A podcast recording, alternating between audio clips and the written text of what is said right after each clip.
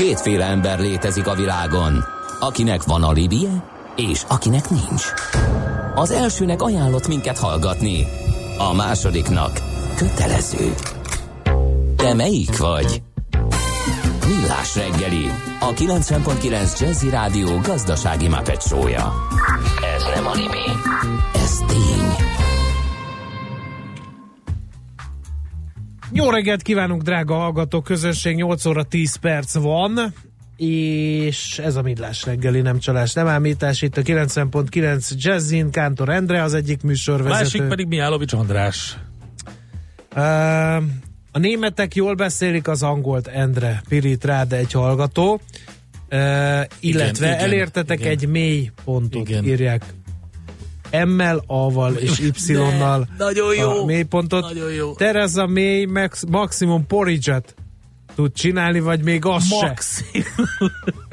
egy, figyelj, azért csak össze tud dobni egy angol reggelit, ahhoz konzervbab kell, meg, Meg meg tojás, meg Tojás, igen. Tojás porból is lehet. Az Árpád hídon Pest felé olyan szögben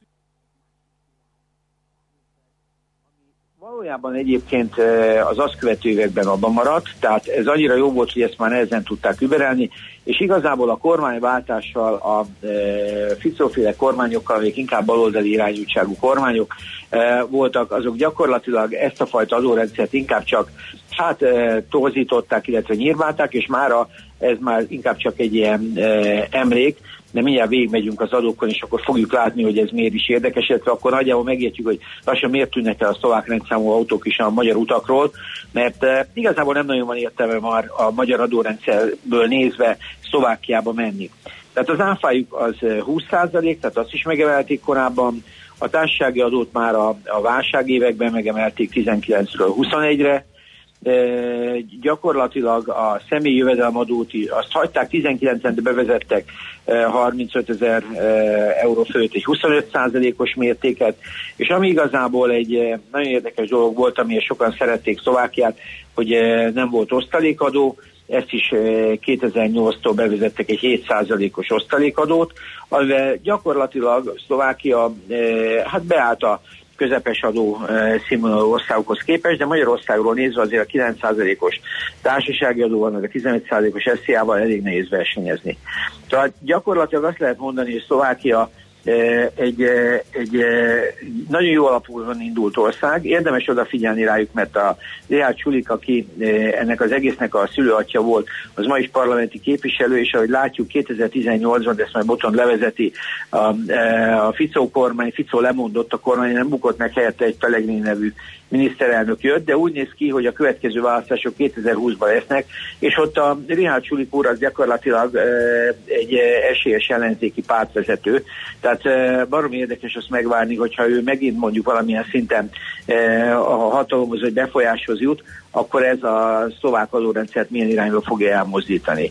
Ma jelen pillanatban úgy néz ki, hogy egy stabil 3%-os növekedési ország, az adórendszerükön olyan sokat már nem fognak reszelgetni, tehát eh, nagyon úgy néz ki, hogy ez a pozíciójuk állandó, de valahogy az is úgy néz ki, hogy nem nagyon szorulnak arra rá, hogy, eh, hogy, hogy ők ezen most úgy eh, megint beálljanak abba az erős versenybe, amiben ő nekik meccsjár után be kellett állni, mert akkor, akkor a sorrend fordított volt, tehát mi voltunk eh, előttük, és ők, voltunk, ők voltak mögöttünk, például egyfőre jutott GDP-be is, most azért ez fordított, tehát ők majdnem 20 ezer dolláros egyfőre jutott GDP-t meg olyan 15-16 között. Tehát eh, azt lehet mondani, hogy a szlovák gazdasági növekedés egyik alap motorja volt a jó adórendszer, ez tanulságos is, ezt láttuk is egyébként, hogy ez hogyan hatott a magyar a vállalkozókra, de már ez, ez, ez a helyzeti előny megszűnt. Úgyhogy ez egy érdekes tanulság volt itt a szomszédból. Igen, és mondtad is, hogy milyen drágulást okozhatott az euróbevezetés, illetve bocsánat, amikor mondtad az euróbevezetést, akkor arra asszociáltam, mert jött ez a hír, ugye most volt egy felmérés, és hát közben ugye érdemes megnézni, hogy itthon milyen infláció volt közben, tehát igazából nyertek ebben a drágulási versenyben, meg kevés, kevésbé drágult az élet Szlovákiában, mint Magyarországon.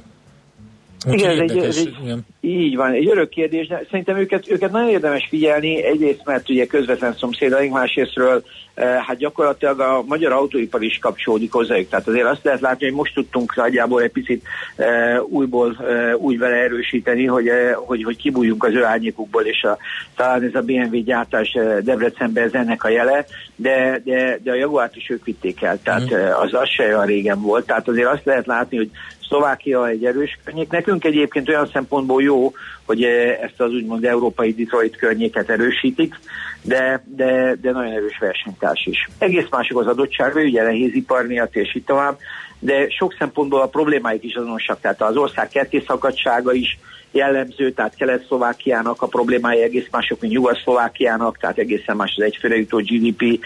E, én úgy gondolom, hogy a kisebbségi problémák is, hát amikor az Zurinda bevezette 3x19-et, akkor ő ezt úgy tudta megcsinálni, hogy olyan költségvetési megvonásokat csináltak, hogy a kisebbség kivonult az utcára, és a hadsereget kellett bevezetni. Tehát Aha. gyakorlatilag nagyon, nagyon komoly ára volt ennek, de úgy néz ki, hogy összességében megtérült. Tehát e, ez egy, ez egy ilyen szempontból sok-sok-sok azonosság van a mi kelet-magyarországi régióink és az ő régiói között, de úgy néz ki, hogy az ásványi anyagok, illetve ez a nehézipari háttér, ők egyébként is a csehszlovák együttműködésen belül is ezt a nehézipari részt vitték, valójában azt mondják azért, mert védelmi okok miatt azért Kelet-Szlovákia jobban védhető volt, mint mondjuk Csehország, és itt komoly hadiüzemek is voltak, tehát azt hiszem harckocsi gyártásuk is volt, de az egész autóiparuk egyébként erre az erős gépiparra épül.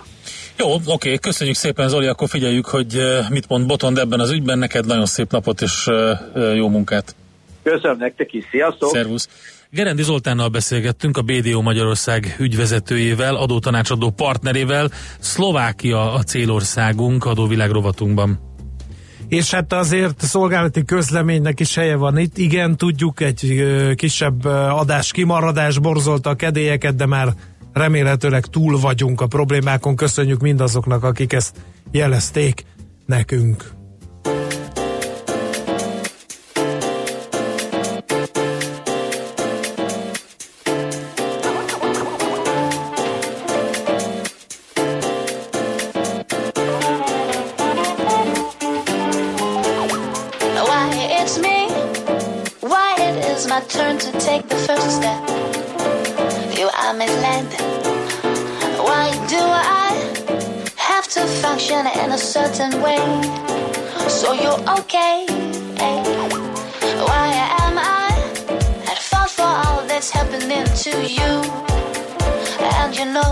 Is true.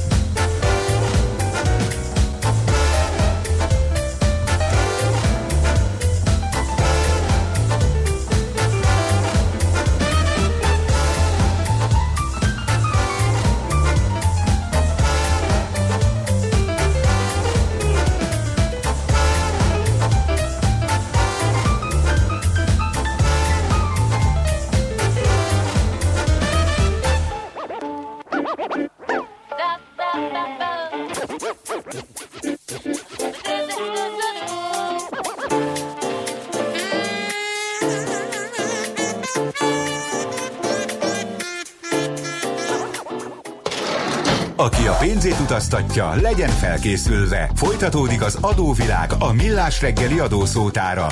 Érdekességek, adózási szokások, geopolitikai helyzetkép. És Szlovákiában járunk, dr. Feledi Botont külpolitikai szakértő van itt velünk a vonalban. Szervusz, jó reggelt! Sziasztok, jó reggelt kívánok! Északi szomszédunk, sokszor ellenségesen néztünk egymásra, van amikor meg mosolyogva, vannak politikai vonalú hasonlóságok, meg nagyon sok minden. Meg hát te ismered a, a, az, az egész szlovák-magyar viszonyt közelebbről is, úgyhogy a legjobb embert tárcsáztuk szerintem. Na hát biztos, hogy egy izgalmas, jó pár száz éves történelem köt össze minket és eh, ez most az utóbbi időben azért eh, több vonalon eh, kezd szétkanyarodni, tehát szeretjük a visegrádi országokat egy csomagba kezelni, és Szlovákia, aki legközelebb esik hozzánk, és a legkisebb tagja ennek a négyesnek, még az ottani fejlődések is jól mutatják, hogy milyen sok elágazás lehet ebben a poszt időszakban az elmúlt 30 évben. Több választás is volt, illetve lesz most Szlovákiában. Ősszel tartották az önkormányzati választást, ami itthon annyira nem verte föl a média vizeit, viszont kint ez egy nagyon fontos választás volt. Nem feltétlenül a részvétel miatt, mert Szlovákiában hagyományosan alacsony a e, részvétel a politikai választásokon, e, viszont azért, mert a e, kuciák gyilkosság után, ugye ez 2018-nak a tragikus és nagy eseménye volt Szlovákiában, amiben a kormány is beleremegett. Kíváncsiak voltunk mindannyian itt elem, hogy mi lesz a szlovák polgároknak a válasza erre és nagyon érdekes módon az látszott, hogy a független jelöltek megerősödtek. Tehát egyszerűen eh, tehát akkor a szlovák közvélemény elhitte azt, ami a kucsiák gyilkosság kapcsán ugye felmerült, hogy a maffia behálózta a szlovák politikai elitet, és ezért gondolták azt, hogy akkor olyanokat választanak, akik nem kompromitálódhattak? Um, azt mondanám, hogy mint minden országban, Szlovákiában is már ment masszívan a populizmus, mikor megérkezett hirtelen a kuciákgyilkosság, és ekkor inkább egy ilyen típusú reakció érkezett meg a társadalomból, amit most te mondasz, igen. Uh-huh. Tehát uh, nyilván minden társadalomban máshogy csapódik ez le. Uh, itt éppen erre elég jól rá tudtak uh, kanyarodni különböző kispártok is, tehát egyébként borzasztó sok élő, dinamikus kispártocska van, akiknek jó esélye néhány százalékkal be lehet majd jutni a parlamentbe, és emellett pedig e, a, a civil mozgalmak is mm, mindenféle sárgától pepitáig e, kivonultak az utcára, hogy emlékszünk, hogy e, hetente megtartották a tüntetéseket, amíg nem volt kormányátalakítás, és ugye találtak egy bűnöst, tehát ezt a bizonyos Kocsnert, aki, aki hát oligarchaként minimum lefesthető, és az ő egyik közeli üzlettársa Baszternák, ők most mind fogságban előzetesben vannak, és ők, őket vádolják azzal, hogy kuciáknak, vagy kocsát vádolják azzal, hogy kuciáknak a gyilkosságát gyakorlatilag megrendelte egyébként egy eh, magyar kötődésű eh, komoly fegyveres szolgálatot ellátó illegális személytől. Úgyhogy van, van egy ilyen típusú reakció. Ficó a maga módján mégiscsak kivonult a politikából, ami a látványos oldalát illeti, és az a kérdés, hogy a mostani friss döntése, hogy alkotmánybíró lesz a korábbi Eh, szlovák miniszterelnök eh, esetleg jövő idén tavasztól, ez jelentheti-e a még inkább kivonulását. Eközben ugye az új miniszterelnök Pellegrini, akinek ugyan nem túl szlovákosan cseng a neve, de eh, a, a Vicóféle pártból érkezett ő is, ő az, aki azért még mindig, hogy úgy mondjuk a Ficó vonalon viszi tovább uh-huh. a pártját, és nem látni azért óriási kanyarokat, meg óriási meglepetéseket. Oké, okay. a szlovák belpolitika teljesen elfor- átformálódott, ahogy érezhető szavaidból, átformálódott ennek nyomán a külpolitikájuk, és ma már csak mondjuk úgy is, hogy hirtelen passzívabbá váltak, mert magukkal voltak elfoglalva? Nem mondhatni, sőt, uh-huh. igazából lehet, hogy egy picit megijedtek. Nyilván ők sokkal többet tudnak el az egész kuciák történetről. Ne felejtsük el, hogy ebben az olasz mafia is benne volt, uh, nyaki, ugye a több közül az egyik, um, és, és azért ők érzik a külpolitikai kitettségüket, Ukrajna kapcsán is egyébként nagyon komolyan készülnek az ukrán krízisre, konkrétan arról beszélget a kormány, hogy milyen válságtervek kellenek arra az esetre, hogyha Ukrajna összeomlik és elindulnak a ültek nyugatra, mennyi bevethető emberük van, hogy készítik fel a kelet-szlovák határt, Eh, és emellett pedig döntöttek arról hosszú-hosszú idő után, hogy megvesznek 14-re a F-16-ost az Egyesült Államoktól. Uh-huh. Tehát ez, ez az a döntés, ami nagyon látványosan mutatja a NATO 2%-os költés felé való törekvést is, és mutatja azt, hogy eh, hát elköteleződtek a, a NATO-val. Ez egyébként eddig is igaz volt, csak látni kell, hogy a visegrádi országokban a szlovák közvélemény a leginkább, vagy legkevésbé nyugatorientált.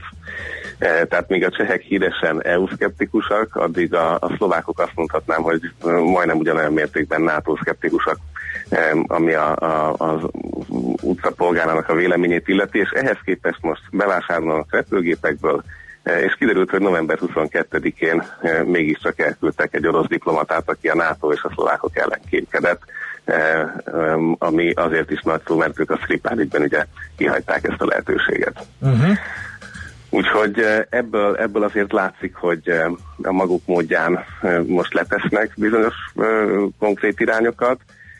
Ami izgalmas, ugye az ő külügyminiszterük volt a NATO közgyűlése elnöke Lajcsák, akiből egyébként államfőjelöltet is akartak volna csinálni, de ugye egy migrációs kompakt kapcsán, amelyet a kormány ellenzett, de Lajcsák maga egyébként ugye személyesen részt vett a kidolgozásában, végül is ebben nem vett részt Szlovákia, az ENSZ-nek a e, migrációs tagjában, ennek az elfogadásában, és ezért aztán Lajcsák most, mint államfőjelölt e, már nem szerepel. Ugye most következnek márciusban az államfő választások, közvetlenül választják Szlovákia államfőjét. E, és valahol ebben az egész korábbi történetben is, ami kuciákot illeti és a civil mozgalmakat, Kiszka államfő nagyon fontos szerepet játszott. Ő hivatalosan egy párton kívüli ember, tehát nem kötődött korábban pártokhoz, és tudta a politikusokat, ugye egy hárompárti koalíció van most Szlovákiában, hogy úgy mondjam, egy picit kívülről az államfői méltóságból, vagy hogy ha máshogy nem hatalom technikailag egy független pozícióból piszkálni. És ez nagyon fontosnak bizonyult az elmúlt eh, hónapokban. Ő nem akar újraindulni. És ebből is látszik, hogy ő tényleg egy, egy, egy ciklust kitöltött, nem politikai karrierre vágyott, hanem, hanem váltani akar, vagy vissza akar váltani úgyhogy igazából izgulunk, mert a két nagy koalíciós partner a háromból, tehát a Ficóféle Smer, illetve az SNS még nem mondtak államfőjelöltet, tehát emiatt aztán a harmadik koalíciós partner a félig magyar, félig szlovák, vagy vegyes pártjelű Híd Mosznak a Bugár Bélája az, aki a koalíció oldaláról most népszerű jelölt, de várjuk azt, hogy mhm. bejelentsék a nagy pártok is. A kérdés lezárásaként, vagy a blokk lezárásaként egy kicsit vegyük gorcső alá a magyar-szlovák kapcsolatokat. Volt itt minden, ahogy Endre is már sejtette, jó barátságtól kezdve elég komoly a csarkodásig. Most éppen milyen a viszony a két országnak? Azt mondanám, hogy most igazából a politikai színeit tekintve meglepő módon, de egy pragmatikus barátság uralkodik. Tehát a, a, a Fico-Orbán kémia, ha úgy tetszik, az jobban működik, mint korábban aminek részben lehet az oka mind a két vezetőnek a, a, a, a folyamatos pragmatikus irányba való tolódása, Másrészt egyszerűen már a magyar kártya sem a régi Szlovákiában, tehát nem, nem ezen utazik a, a, a vezető párt, hogy, hogy, hogy magyarozzon. Még az SNS is ilyen szempontból egy picit kevésbé nyíltan aktív. Eközben viszont azt látni kell, hogy a, a helyi magyaroknak a, a lehetőségei azok abszolút vagy nem feltétlenül javultak. Tehát vannak szakértők, nyelvi kisebbségjogi szakértők, akik eh, ezt gyakran elmondják, hogy a nyelvtörvénye Szlovákiának visszaesett a 90-es évek szintjére. A komáromi erőtáblát, amit a Duna túloldalán kimertek írni magyarul és angolul is, azonnal több tízezer eurós büntetést kapott az önkormányzat. Tehát eh, ugyanúgy hajmeresztő dolgok történnek, ugyanúgy egy anonimus civil egyesület próbálgatja a névtáblákat magyarul is kiírni ott, ahol egyébként törvényszerűen ki lehetne írni. Tehát a magyar kisebbség helyzete nem lett radikálisan jobb.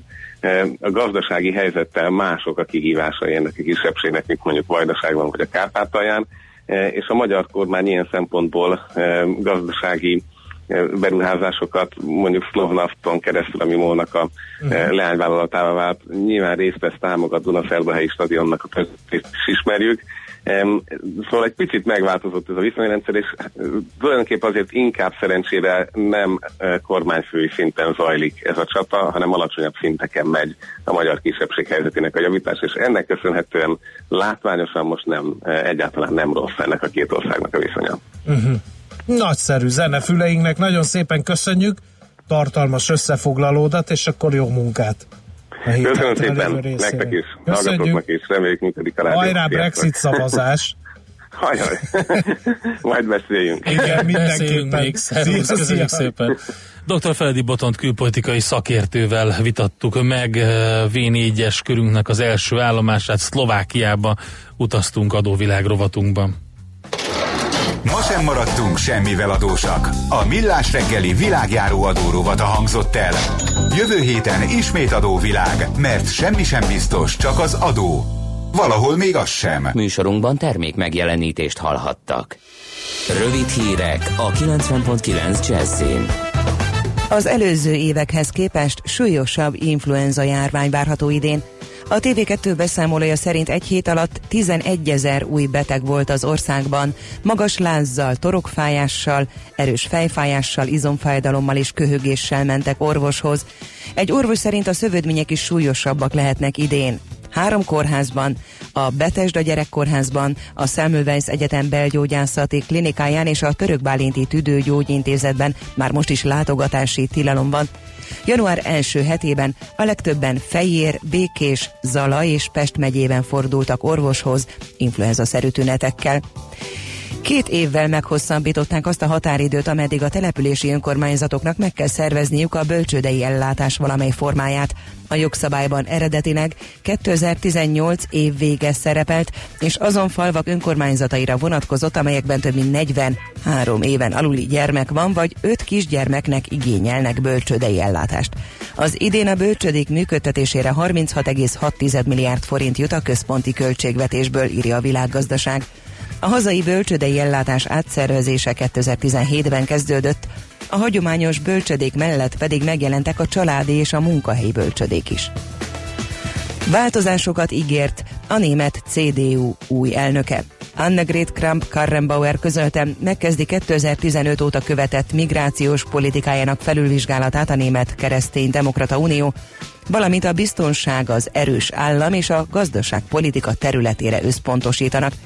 Hozzátette, meg kell vizsgálni, hogy miként lehet élénkíteni a belgazdasági konjunktúrát és erősíteni a versenyképességet. Például a vállalkozásokat terhelő adók és járulékok rendszerének reformjával minden címétől megfosztotta kutató intézete a Nobel-díjas amerikai James Watson-t egy rasszista kijelentés miatt.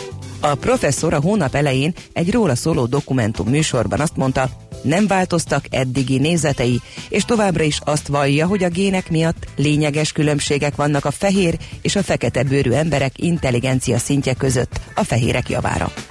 James Watson két tudóstársával együtt a DNS szerkezetének megfejtője, és ezért Nobel-díjat is kapott.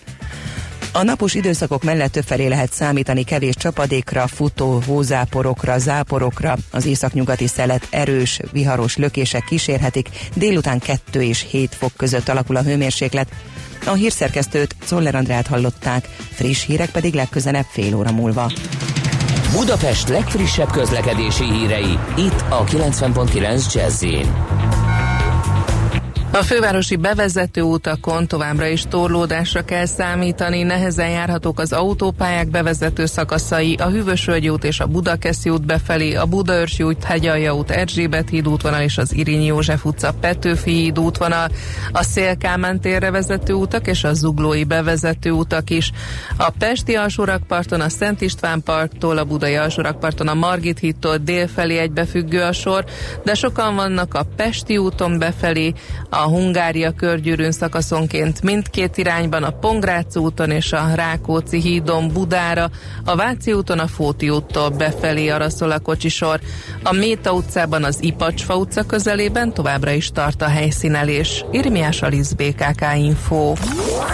A hírek után már is folytatódik a millás reggeli. Itt a 90.9 jazz Következő műsorunkban termék megjelenítést hallhatnak.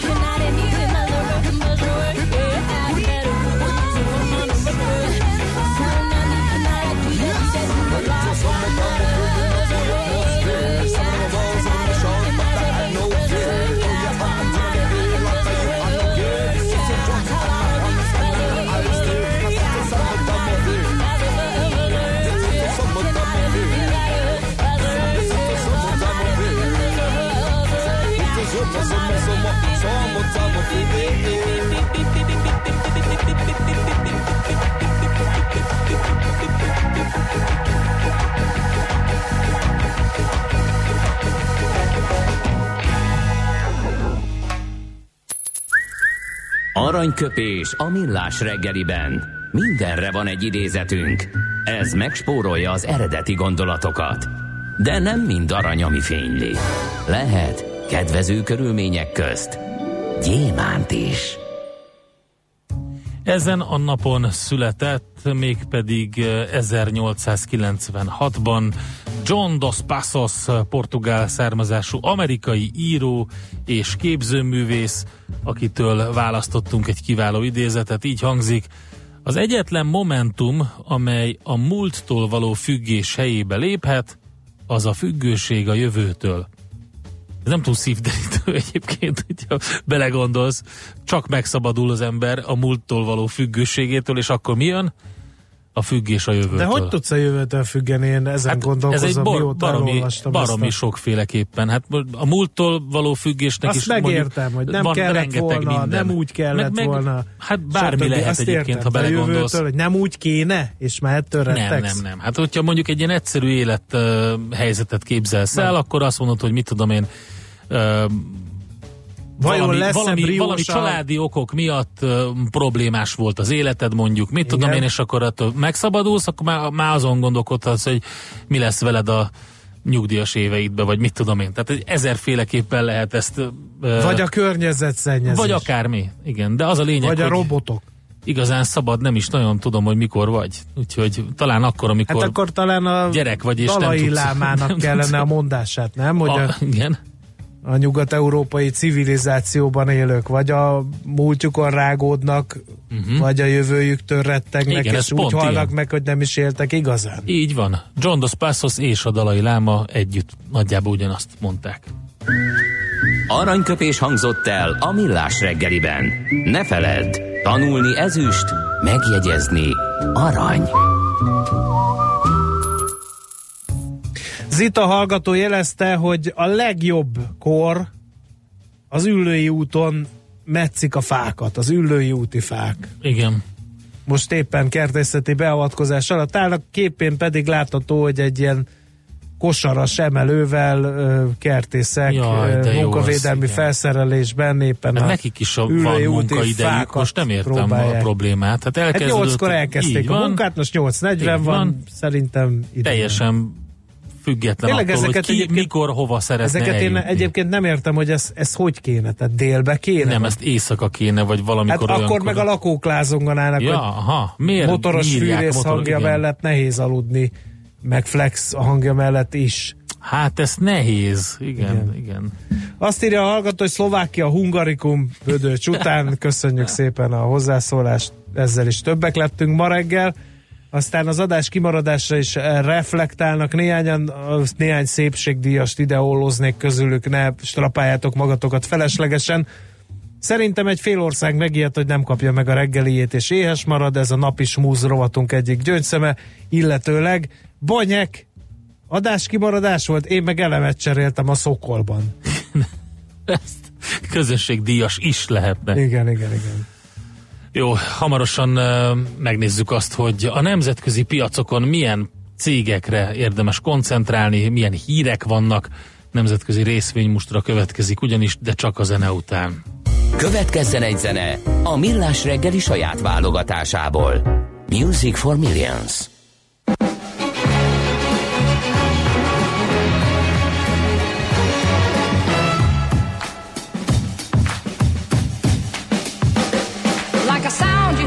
Lingers in your ear, but you can't forget from sundown to sunset.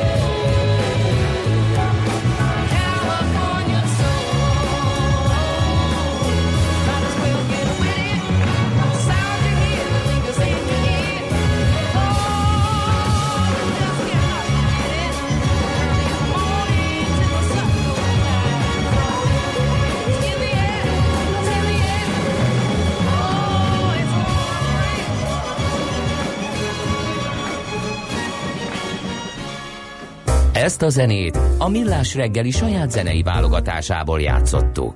Indul a nemzetközi részvénymustra. A megmérettetésen jelen vannak többek között az óriási közműcégek, nagyotugró biotech vállalatok, fürge IT társaságok, na és persze a válság sújtotta lemaradók. Az esélyekről szakértőinket kérdezzük. Kapcsoljuk a stúdiót. És kapcsoljuk uh, Varjú Pétert, az Erste befektetési ZRT igazgatóját. Szevasz, jó reggelt! Sziasztok, jó reggelt, üdvözlöm a hallgatókat!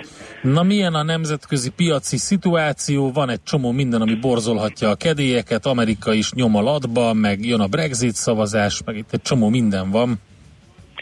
Hát igen, valóban most egy izgalmas és idegszálborzoló időszakot élünk, és akkor hadd kezdjek egy olyannal, amit nem említettél Kínát. Uh, ott Ja, ma tényleg, reggel- ezt megbeszéltük, és mégse ezt említettem, mert ez volt a fejemben. Mindegy, akkor Kína, igen.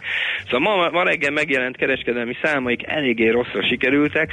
Uh, exportja az a 3%-os várt bővülés helyett 4,4%-kal csökkent decemberben, az import pedig a várt 5%-os bővülés helyett 7,6%-kal csökkent. Uh, a tréfás az az, hogy ezzel a kereskedelmi uh, egyensúly, ami USA-val áll fenn, az tovább tágul, tehát hogy, hogy a kereskedelmi töblete nőtt. Ugye ez volt az a szám, ami miatt Trump elsősorban nekik ment, hogy hogy van az, hogy Kína több pénzt keres rajtuk, mint fordítva.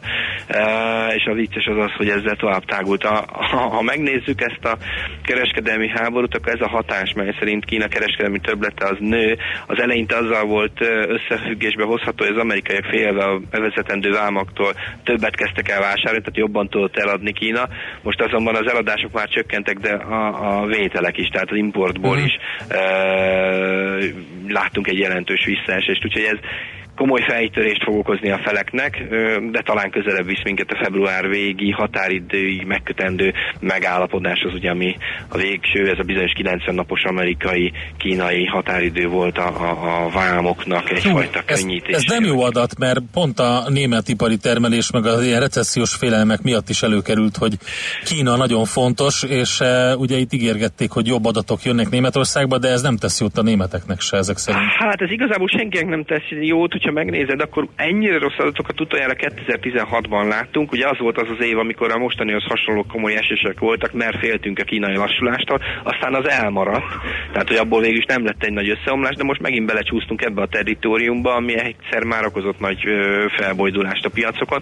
Tehát igen, az, az, hogy az elmúlt két évben megindult ilyen, ilyen újévi rally, ez most valószínűleg meg fogja tudni akasztani. A németek egyenlőre egy 0,6% mínusszal készülnek, tehát olyan óriás esés egyébként nem lett vele Ázsia maga is ilyen fél és 1% közötti mínuszokat e, mutatott, és ugye szépen jöttünk föl, tehát van honnan esni, de azért szépen megakadt a német emelkedés például, ugye a, a, az, az azért látszik, hogy elindul lefelé, és egyébként akár egy új mélypontot is nézhetünk, ami ugyan az előzőhöz nagyon közel lehet. Tehát, hogy most nem sikerült fölfelé kilépni, dacára az elmúlt két hét jó teljesítménynek ebből az esőtrendből, e, és ez nem, nem jó hír a, a bikáknak. Nyilván a nafiknak, illetve a sávozóknak pedig prima hír. Tehát, hogy, hogy ezért ö, olyan nagy vissza, világösszeomlás egyébként nem számolunk. És valóban, ha már USA-t ugye a kormányzati leállás továbbra is tart, és egyelőre megoldása nincsen. Két, ez nagyjából úgy néz ki, két hetente körülbelül 1 pontos negatív hatás a GDP-nek, tehát nem jelentős, de hát a fene tudja, meddig fog tartani, ugye ilyen hosszú még nem volt az amerikai lárás, százezrek nem kapnak fizetést. Uh, ugye holnap kora este lesz a Brexit szavazás, ami nagyon fontos lesz, és nagyon izgalmas lesz. Uh, uh, ami ami, ami, ami nagyon izgalmasát teszi az, hogy szinte borítékolt a, a veszteség, akár azt mondják, hogy ilyen száz e, fővel is bukhat, tehát hogy nagyon jelentős, nem kicsin fog múlni a, a, a Theresa May tervének a megbuktatása, és ezután mi következik? Hát akár maradhatnak a, a bármi tulajdonképpen, tehát maradhatnak az EU-ban rendezetlen Brexit, e, új népszavazás, bizalmatlansági indítványt fognak kezdeményezni mély ellen, ami akár előrehozott választásokat hozhat, tehát hogy egy, egy egészen új és teljesen turbulens időszakot fogunk valószínűleg holnap estétől látni. Ez ehhez kapcsolódó eszközök jelentős volatilitása mellett, tehát érdemes lesz erre figyelni. Igen, egyébként. mindenféleképpen figyelünk rá.